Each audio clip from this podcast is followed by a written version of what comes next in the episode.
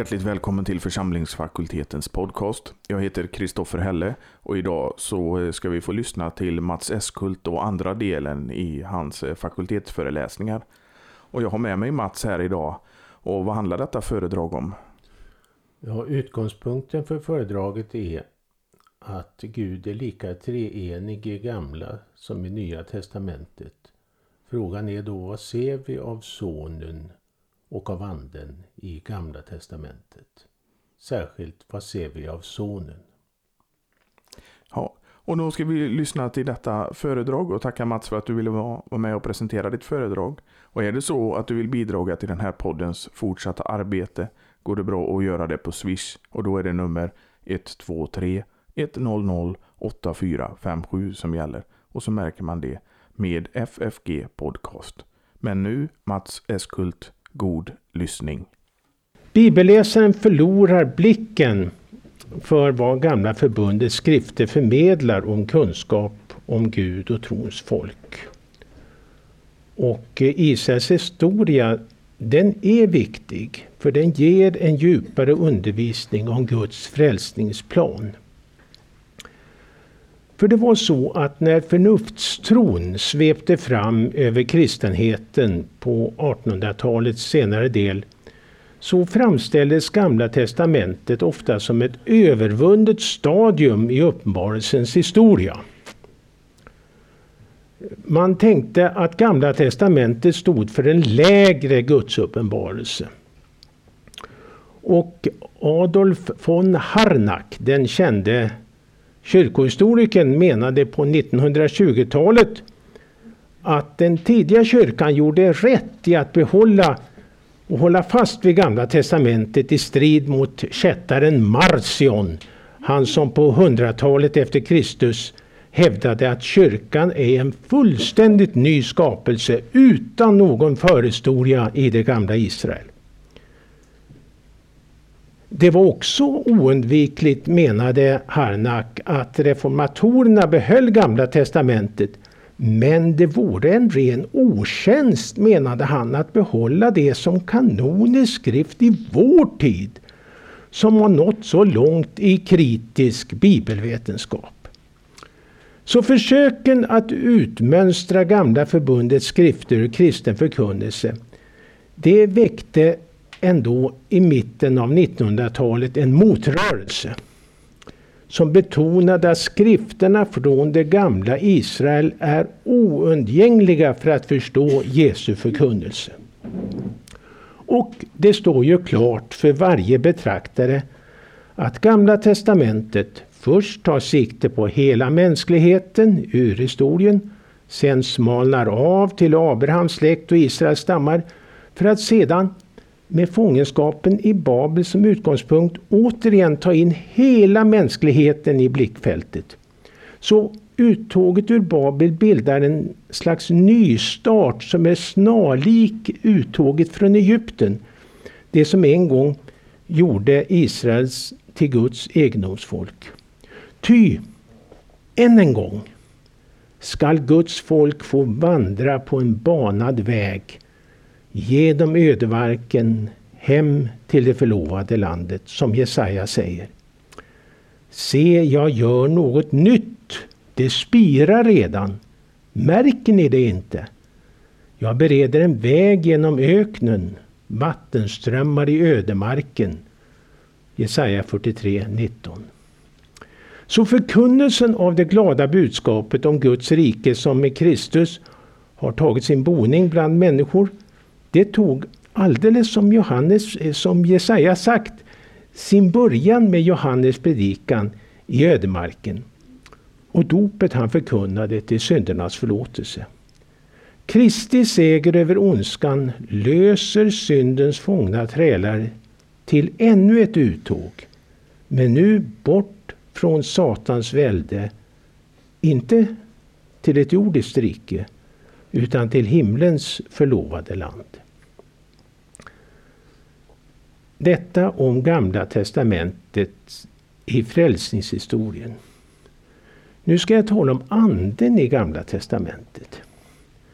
Vi vet från Luthers lilla katekes att vi inte citat genom eget förnuft eller kraft kan tro på Jesus Kristus och komma till honom. Utan den helige Ande har kallat oss genom evangelium, upplyst oss med sina gåvor och helgat oss och behållit oss i en rätt tro. Men vad kan vi veta om den helige Ande och hans verk i Gamla testamentets tid? Vid skapelsen heter det Guds ande svävade över vattnet. Bibel 2000 säger en gudsvind svepte fram över vattnet. Ordet för ande, roa, det kan också betyda vind.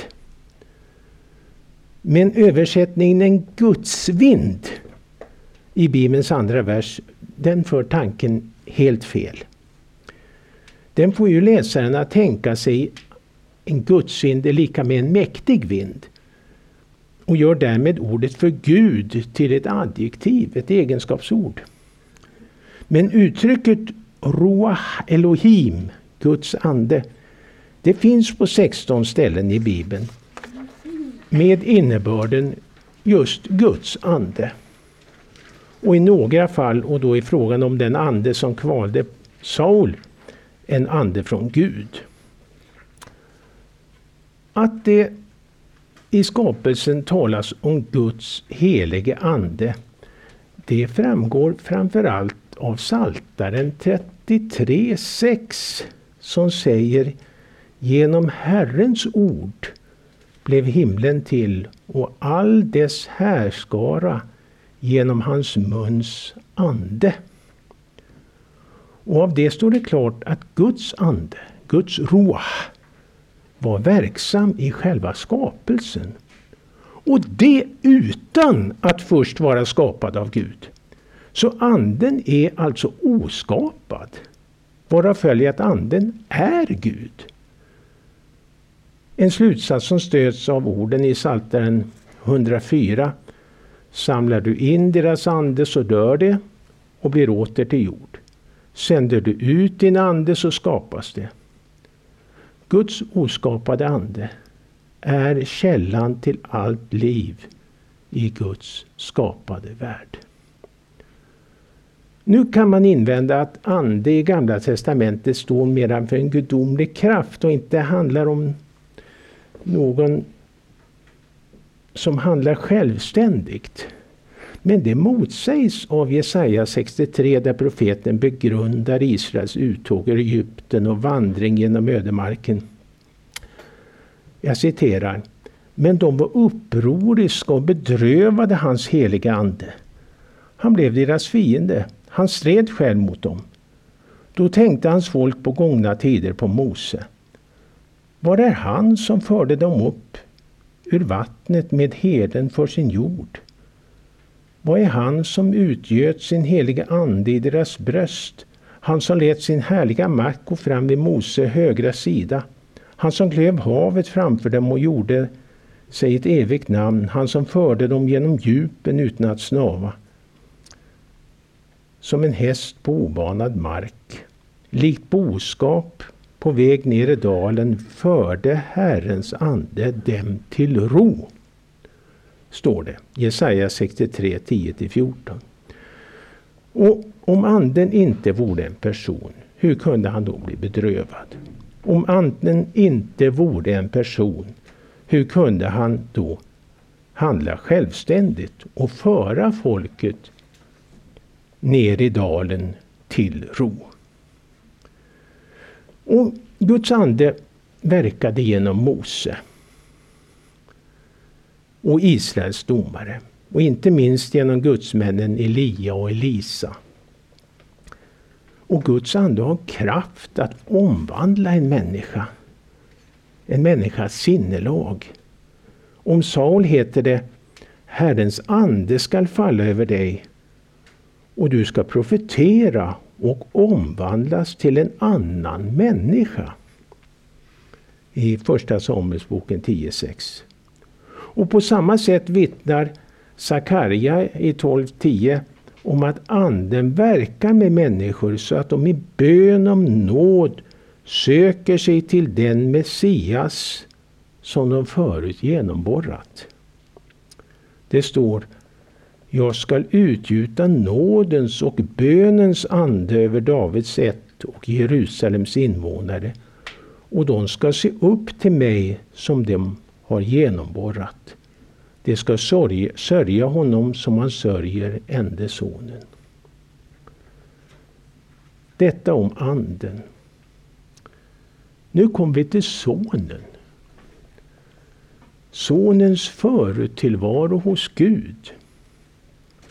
Ett antal ställen hos Johannes, Paulus och i Hebreerbrevet talar om den gudomliga sonens förut-tillvaro hos Gud innan han blev människa. Ingen utav de här ställena ger någon närmare undervisning om saken. Tron på Sonens förutillvaro hos Gud, det vi kallar hans preexistens, den förutsätts helt enkelt vara allmänt omfattad i de kristna församlingarna på apostlatiden. Så för det första kallas Kristus ordet i inledningen till Johannesevangeliet. I begynnelsen var ordet och ordet var hos Gud och ordet var Gud. Johannes säger ju inte bara att ordet var hos Gud utan ordet var Gud. Jesus Kristus, Guds son, är alltså före människoblivandet. Före människoblivandet har han varit till hos Fadern från evighet. Och om denna förutillvaro talar han särskilt i Johannes evangelium. Och Jesus betygar där om sig själv att han har kommit ner från himmelen. Och han har inte bara fått sin andliga utrustning från himmelen. Nej, han kommer själv därifrån. Och med David Hedgårds ordaval kan man säga att Kristus av Johannes kallas Ordet.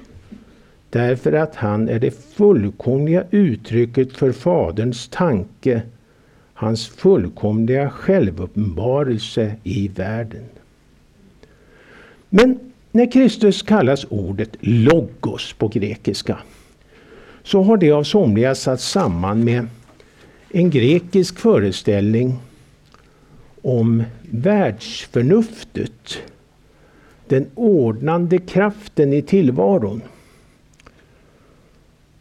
Och den föreställningen skulle alltså ha bidragit till att forma den nytestamentliga uppfattningen om logos.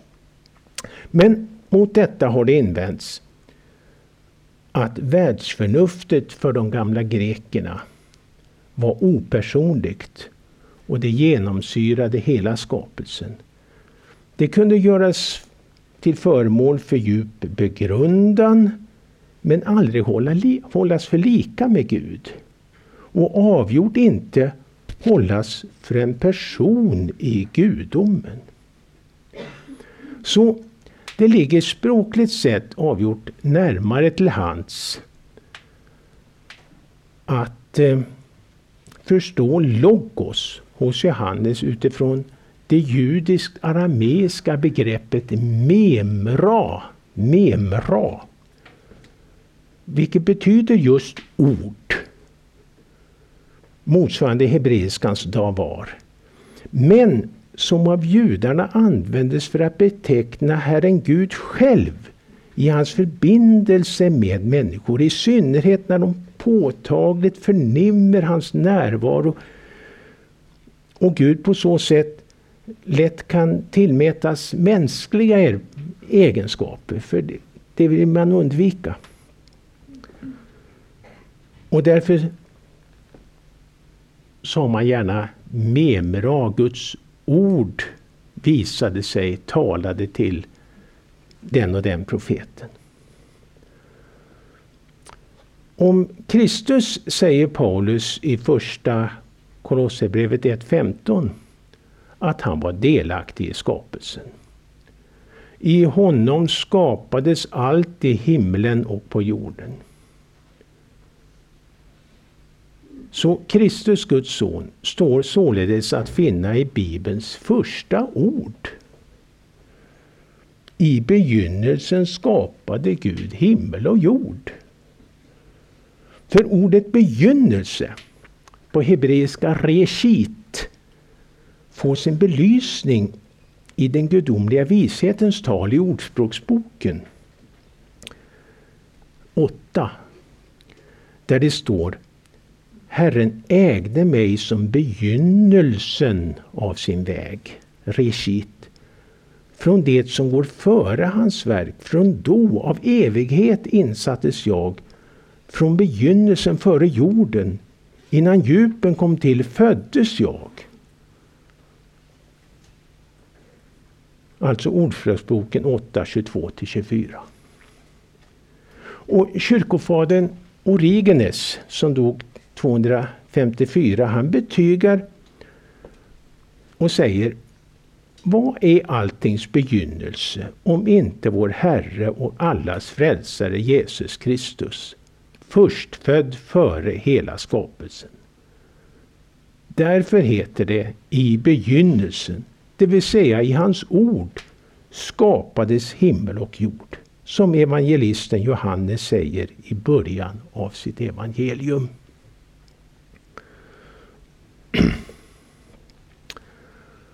För det andra så hör till Sonens förutillvaro vad som sägs om Herrens ängel, Malach Adonai på hebreiska. Alltså den person som flera gånger uppenbarar sig i Moseböckerna och sist i Josua 5 där han kallar sig befälhavare över Herrens här. Och klart är att Herrens ängel, det är Guds självuppenbarelse som företräder Herren Gud både i förhållande till folket och till enskilda människor. Som ju skedde med Mose vid den brinnande busken. Och på många ställen så görs ingen skillnad mellan Herrens ängel och Herren Gud själv. Till exempel i ordet till Hagar. Där säger Herrens ängel i Första Mosebok 16. Jag skall göra dina ättlingar mycket talrika.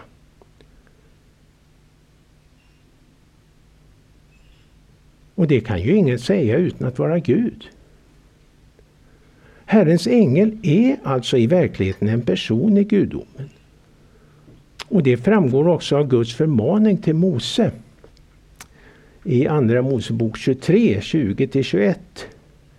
Se, jag sänder en ängel framför dig för att bevara dig på vägen och föra dig till den plats som jag har berett.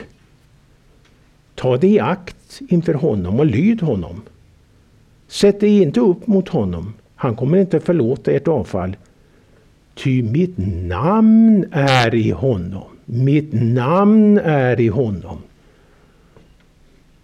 Ängeln bär alltså Guds eget namn. Och ingen kan bära Guds eget namn utan att vara Gud. Och enligt kristen tolkning så är alltså denne ängel ingen annan än den andra personen i gudomen det vill säga sonen i hans förutillvaro. Och Kristus betygar och intygar sin preexistens som Gud när han säger sannerligen, sannerligen, jag säger er, jag är innan Abraham blev till.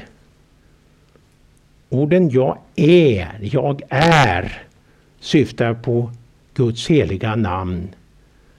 JHVH som vi talade om sist.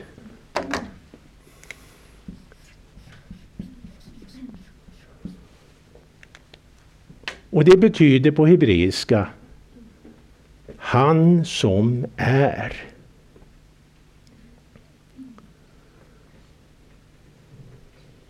Abraham blev en gång till, men Guds son är till av evighet.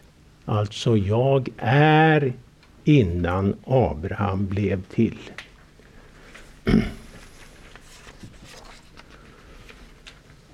Nu kom jag in på profetiorna i profetiska böckerna och i Saltaren. Och då ska man skilja mellan profetia och typologi. Det är inte riktigt samma sak. Eh, så jag ska säga några ord om detta. Kyrkans tro är att Gamla förbundets skrifter profeterar om Jesus Kristus och förebildar samtidigt hans verk i den heliga historien som är präglad av en gudomlig planmässighet så att personer och händelser i det förgångna förebildar framtida personer och händelser. Och den här planmässigheten den utgör, säger man, en, ett typologiskt mönster. Och bibelläsaren upptäcker snart flera tydliga motsvarigheter mellan Gamla och Nya testamentet. Bland annat det förhållandet att Adam svarar mot Kristus.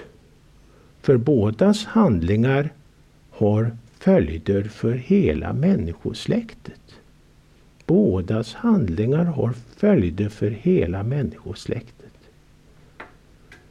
Kopparormen förebildar Jesu korsfästelse. Påskalammets blod svarar mot Jesu blod. Vattnet ur klippan förebildar klippan, Kristus. Och Noas räddning förebildar dopet. Allt det här betygas i Nya testamentet som ni ser i utskriften. Men en särskild form av typologi består i att ämbetena att vara kung, präst eller profet i Israel förutsatte en särskild smörjelse som tecken på Guds ande och hans närvaro. Så innehavaren av de här ämbetena var alltså smord. Man var smord till kung, man var smord till profet, man var smord till präst. Och den kommande så man kan alltså säga att det i Israel fanns tre messianska ämbeten. Kung, profet och präst. Och den kommande Messias konungsliga makt, den förkunnas i löftet till David i Andra Samuelsboken 7, vers 12 och följande där det heter att en efterkommande av Davids ett ska härska till evig tid. En efterkommande av Davids ett ska härska till evig tid. Och Nya testamentet lägger stor vikt i att Jesus Kristus är just denne messianske konung. Och det läser vi i ängeln Gabriels ord till Maria. Han ska bli stor och kallas den högste son och Herren Gud ska ge honom hans fader Davids tron. Och han ska vara konung över Jakobs hus till evig tid. Lukas 1.32 följande. Och tänker vi på att Jesus är profet och har det ämbetet så förkunnar Petrus på tempelgården att Jesus är den i femte Mosebok 18 utlovade profeten. I Petrus tal där.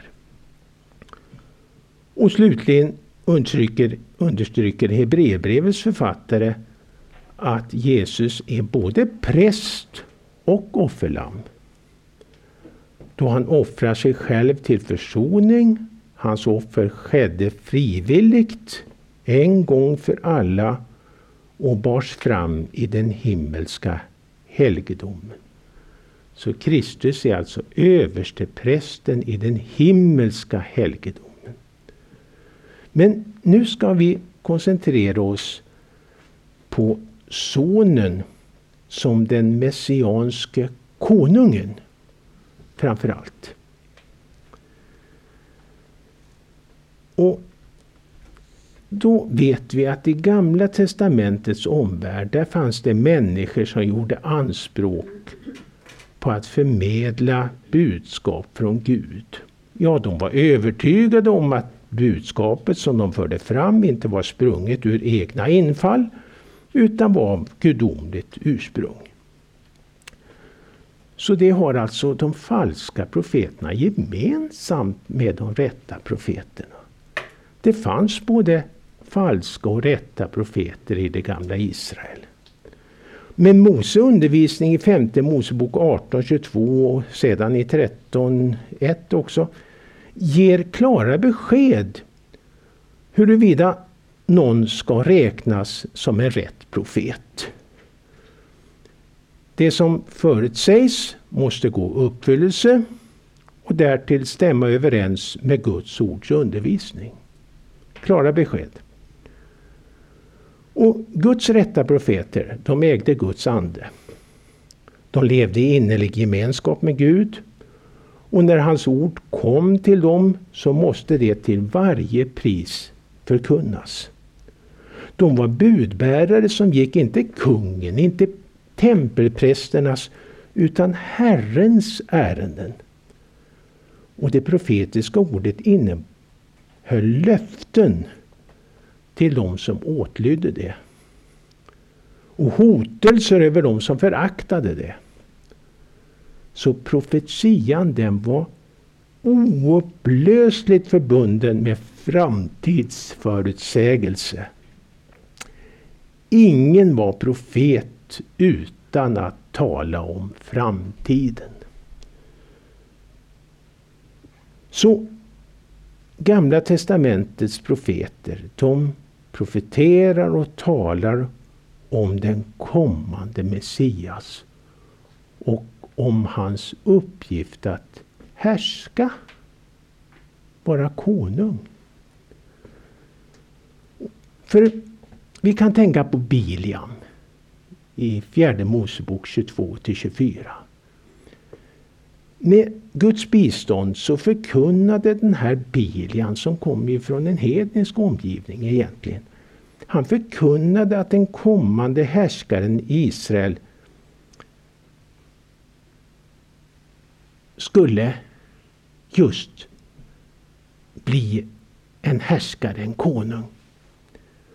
Och liksom andra profeter i Orienten så var hans ord oupplösligt förbundna med framtiden. Ja, det var inte ovanligt att man samlade in profetior och, be, och de bedömdes då vartefter som det som förutsades kunde anses ha inträffat. De levererade in ett antal profetior till templet och till kungens palats och så, så granskade man dem, man sparade dem och så såg man ja det verkar ha gått i uppfyllelse och så sparade man det ytterligare. Så det profetiska ordet, och det är det jag vill komma till, det var föremål för tydning. Ända från första början så funderar man över vad vill detta säga? Och för den skull så var det viktigt att det var noggrant nedtecknat. För det var ju bara då man kunde veta exakt vad profeten hade sagt. Och tänker vi på Biliam och det profetiska ordet där han säger en stjärna träder fram ur Jakob, en spira står upp ur Israel i fjärde Mosebok 24.17 så fortsätter det ordet med att den kommande härskaren han ska krossa Moabs tinning och att fiendefolket Edom ska bli hans egendom. Och den här utsagan den hölls av gemenskapen i Qumran och det är ju endast strax före Kristi tid. Eh, för att vara en profetia om Messias. Ja, åsikten var så spridd att eh, upprorsledaren vid resningen mot romarna 132 efter Kristus han tog sig namnet just Bar Kochba stjärnans son som tecken på sin messianska kallelse. Och den judiska targumen vid den här tiden tog även fasta på den messianska tydningen. Och det gjorde också den kristna kyrkan ända från Justinus martyren död 165 och kyrkofadern Irene, Ir, Ireneus död 202. Ja, men tänker vi efter så finns det skäl att tro att det fanns en tid då Biliams profetia tänktes ha gått i uppfyllelse med kung David. För han erövrar ju Moab och Edom. Men den tolkningen gick ju inte att förena med att hans erövringar så småningom gick förlorade och hans rike delades i nordlig och sydlig del. Så insikten infann sig att kung David var sin tids mode. Men samtidigt förebildade han den kommande smorde, Messias, konungen. Och det profetiska hoppet kom att stå till en ny David. Redan Hosea på 700-talet säger Se, ska, skall sedan ska Israels folk vända tillbaka och söka Herren sin Gud och David sin konung. Med fruktan ska de nalkas Herren och hans goda gåvor i det yttersta av dagar. Hosea 3.5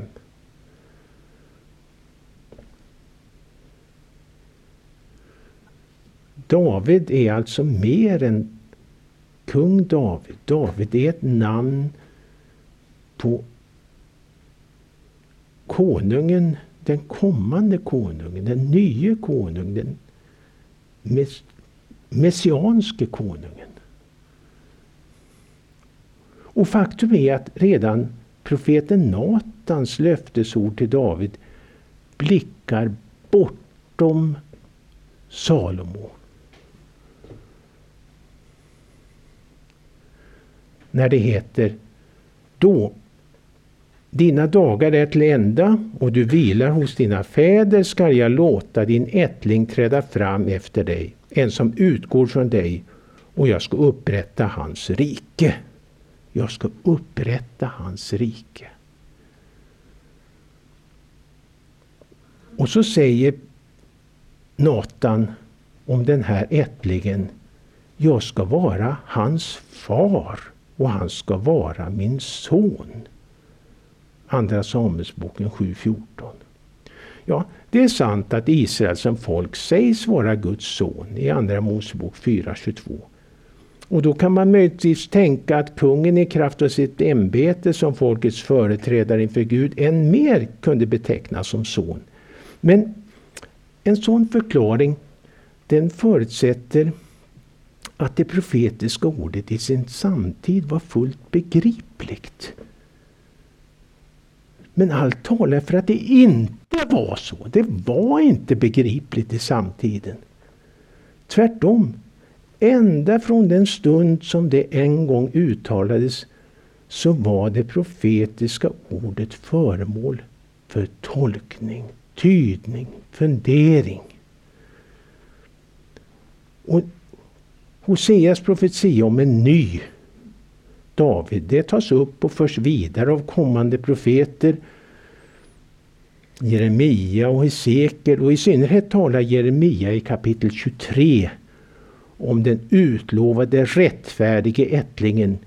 Se, dagar ska komma, säger Herren, då jag ska låta en rättfärdig tälning, Tsemach Tzadik på hebreiska, växa upp åt David.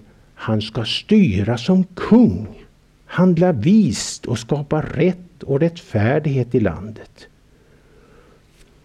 Och går vi lite ner i tiden efter Jeremia kommer till Sakarja så utvecklade han efter återkomsten från Babel vad den här rättfärdige telningen skulle göra. Han säger, se jag ska låta min tjänare telningen, Tsema, komma. Jag ska utplåna detta lands missgärning på en enda dag. Sakarja 3, 8-9. Och Malaki profeterar på 400-talet. Se, jag sänder min budbärare. Han ska bana väg för mig. Plötsligt ska han komma till sitt tempel. Herren som ni begär, förbundets ängel som ni önskar. Så i Israel fanns hoppet om den kommande Messias. Och profeterna utvecklade, de tog upp, de förklarade närmare vart efter som Gud uppenbarade för dem. Och kom man ner till Qumran århundradet före Kristus då tänkte man till även där. Hur blir det med Messias? Och det finns en en sammanställning med messianska profetior som man hittar bland fragmenten där i Qumran. Och det ställer samman Andra Samuelsboken 7.14 som vi läste med just Jeremia 23.5 som vi läste och därtill Amos 9.11. Och texten där i Qumranfragmentet det lyder Herren har förkunnat för dig att han skall bygga dig ett hus och jag ska låta din säd träda fram efter dig. Jag ska befästa hans rikes tron till evig tid. Jag ska vara hans fader och han ska vara min son. Och så förklaras det. Detta är Davids telning från Jeremia 23.5 som ska träda fram med lagtolkaren som uppträder i Sion i den yttersta tiden. Som det är skrivet, och jag ska resa upp Davids fallna hydda. Från Amos 9.11. Detta är Davids hydda, den fallna, som ska stå upp och rädda Israel. Så hoppet om Messias knyts till de här bibelställena och är alltså en fortsatt bearbetning av hoppet på en messiansk davidsättling som i trosföreställning hos kumranfolket var tänkt att han skulle träda fram tillsammans med en prästerlig person också. Han som kallas lagtolkaren i texten. Men det är en liten annan sak. Så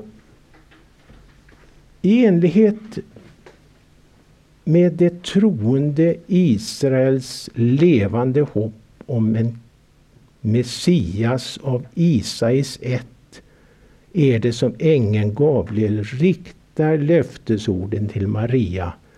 Han ska bli stor och kallas den högste son. Och Herren Gud ska ge honom hans fader Davids tron han ska vara konung över Jakobs hus till evig tid. Nu något om den messianske konungen i Saltaren. Psalm 2 handlar ju om Messias makt, hans tron, hans rike och fruktan för honom. Uttryckt något annorlunda i titeln Guds son och hans motståndare. Den jordiske kungen av Sion var insatt av Herren själv, han som äger himmel och jord. Men här talas det om något mer. När Guds smorde, hans Messias, säger Jag vill förkunna vad Herren stadgat han sade till mig, du är min son, jag har idag fött dig. Du är min son, jag har idag fött dig. Ja, hur det där tolkades i samtiden, det vet vi inte riktigt. Men man kan tänka att orden var profetiska. De var något dunkla. Och de syftade på framtiden. Men där fanns hoppet om en gudomlig Messias. Och det ser vi i Psaltaren 8 som handlar om Messias rike, hans lidande och död. Människosonens höghet och förnedring är en rubrik. För när Jesus kallar sig Människosonen så är det inte bara mot bakgrund utav Daniel 7.13 och orden En som liknade en människoson kom med himlens skyar. Utan det är också mot bakgrund utav Psaltaren 8.5 följande. Vad är en människa att du tänker på honom? Människosonen att du bryr dig om honom. Du lät honom något lite fattas Gud. Med härlighet och höghet krönte du honom. Det här uttrycket något litet fattas Gud. Det tolkar Hebreerbrevet som en liten tid. Och det avser Jesu jordevandring och hans lidande.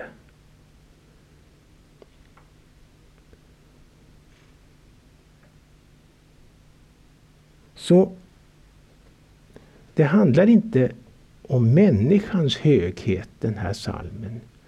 Hur fantastisk människan är. Utan det handlar faktiskt om Sions konung.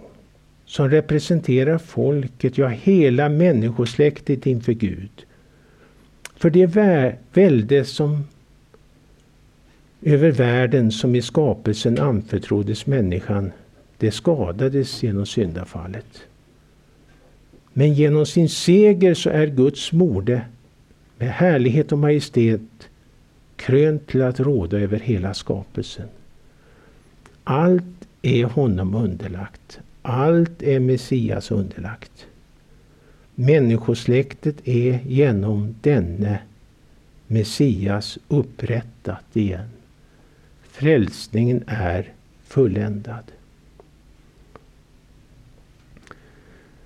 Tittar vi på psalm 21 så handlar den enligt gammal kristen uppfattning om Messias seger över de ogudaktiga. Och det kan ju synas lite märkligt eftersom ju Nya Testamentet ingenstans uttryckligen tolkar salmen som messiansk. Men om man betraktar vers 8. Ty konungen förtröstar på Herren genom den högstes råd vacklar han inte. Så blir man varse att det som i Saltaren sägs om konungen det har en messiansk underton. I överensstämmelse med det gammaltestamentliga synsättet att kungen av Sion, kungen av Davids hus, både är sin tids smorde och samtidigt den som förebildar den kommande smorde, Messias, konungen. Och det här är ännu tydligare i psalm 50, eh, 45. Som man med rätta kan säga handlar om Messiaskonungen och hans brud. För där beskrivs ett kungligt bröllop med ordalydelser som för tanken till Höga Visan. Och det märkliga är att brudgummen förklaras vara gudomlig. Inte i utslätad vardaglig bemärkelse utan i ordets verkliga bemärkelse gudomlig. För orden lyder du älskar det rätta, du hatar det onda. Därför, o Gud, har din Gud smort dig med glädjens olja mer än dina likar. Psaltaren 45.8. Så kungen av Sion, Messias, tilltalas som Gud. Och det här sonskapet, Guds son, läste vi i Psaltaren 2. Hur dunkelt det än kan förefalla i samtiden, det kan ju inte gälla någon annan än den som är Gud av evighet. För ingen blir Gud Man är Gud eller inte. Ingen blir Gud. Och det stod i salmen därför har, o Gud, har din Gud smort dig.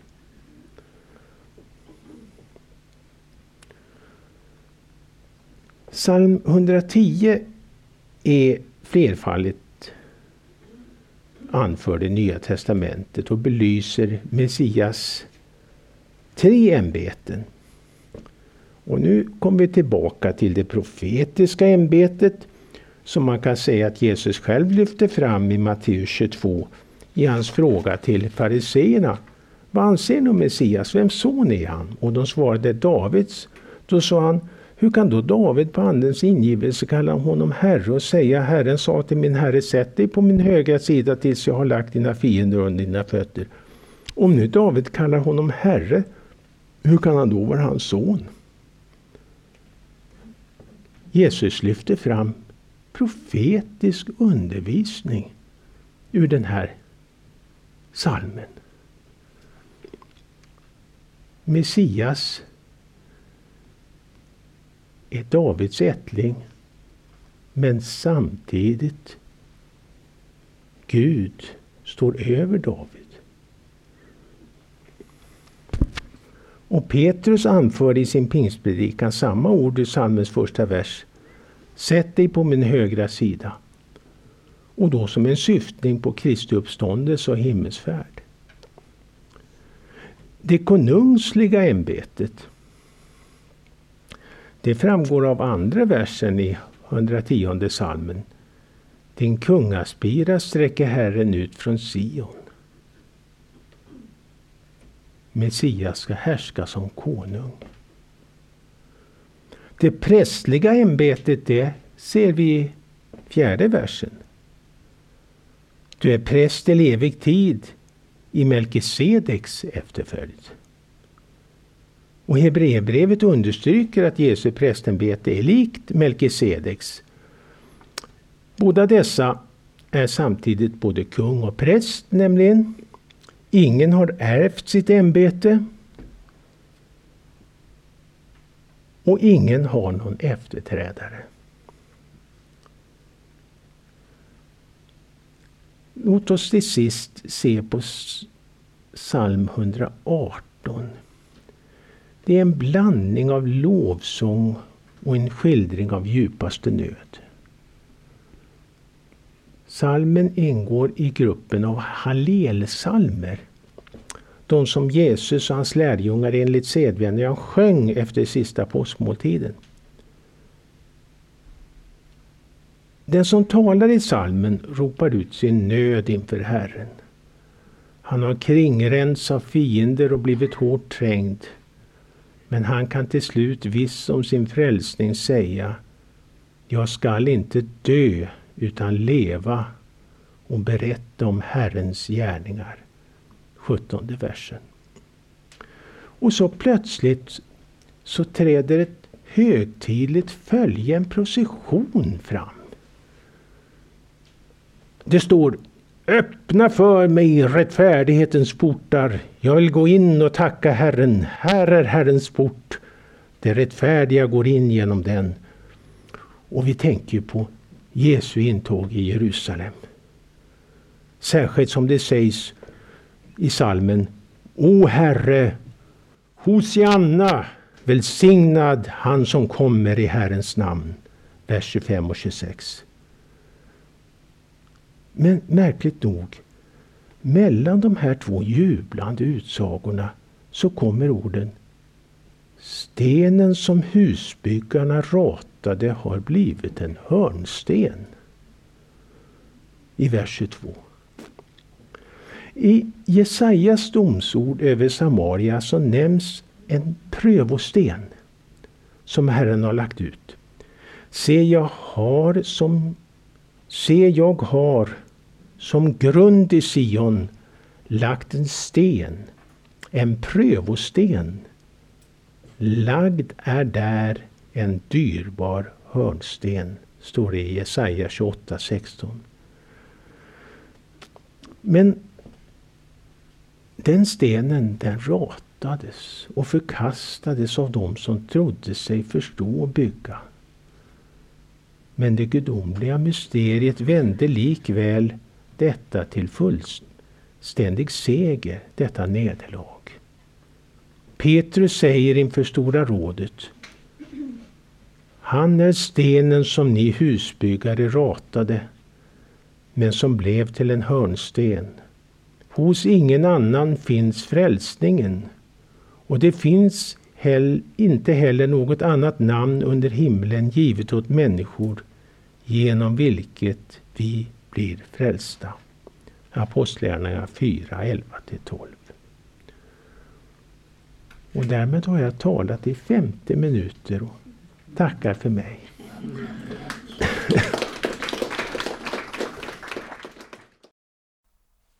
Då tackar vi Mats Eskult för det. Vi på församlingsfakultetens podcast är eh, tillbaka nästa vecka. Och då så ska vi få lyssna till Pekka Heikkinen i våran serie om Lilla katekesen när han talar om den första trosartikeln. Är det så att du vill bidra till den här poddens fortsatta arbete går det bra att göra det på Swish. Och då är det nummer 123 100 8457 som gäller. Och så märker man det med FFG Podcast. På återhörande nästa vecka.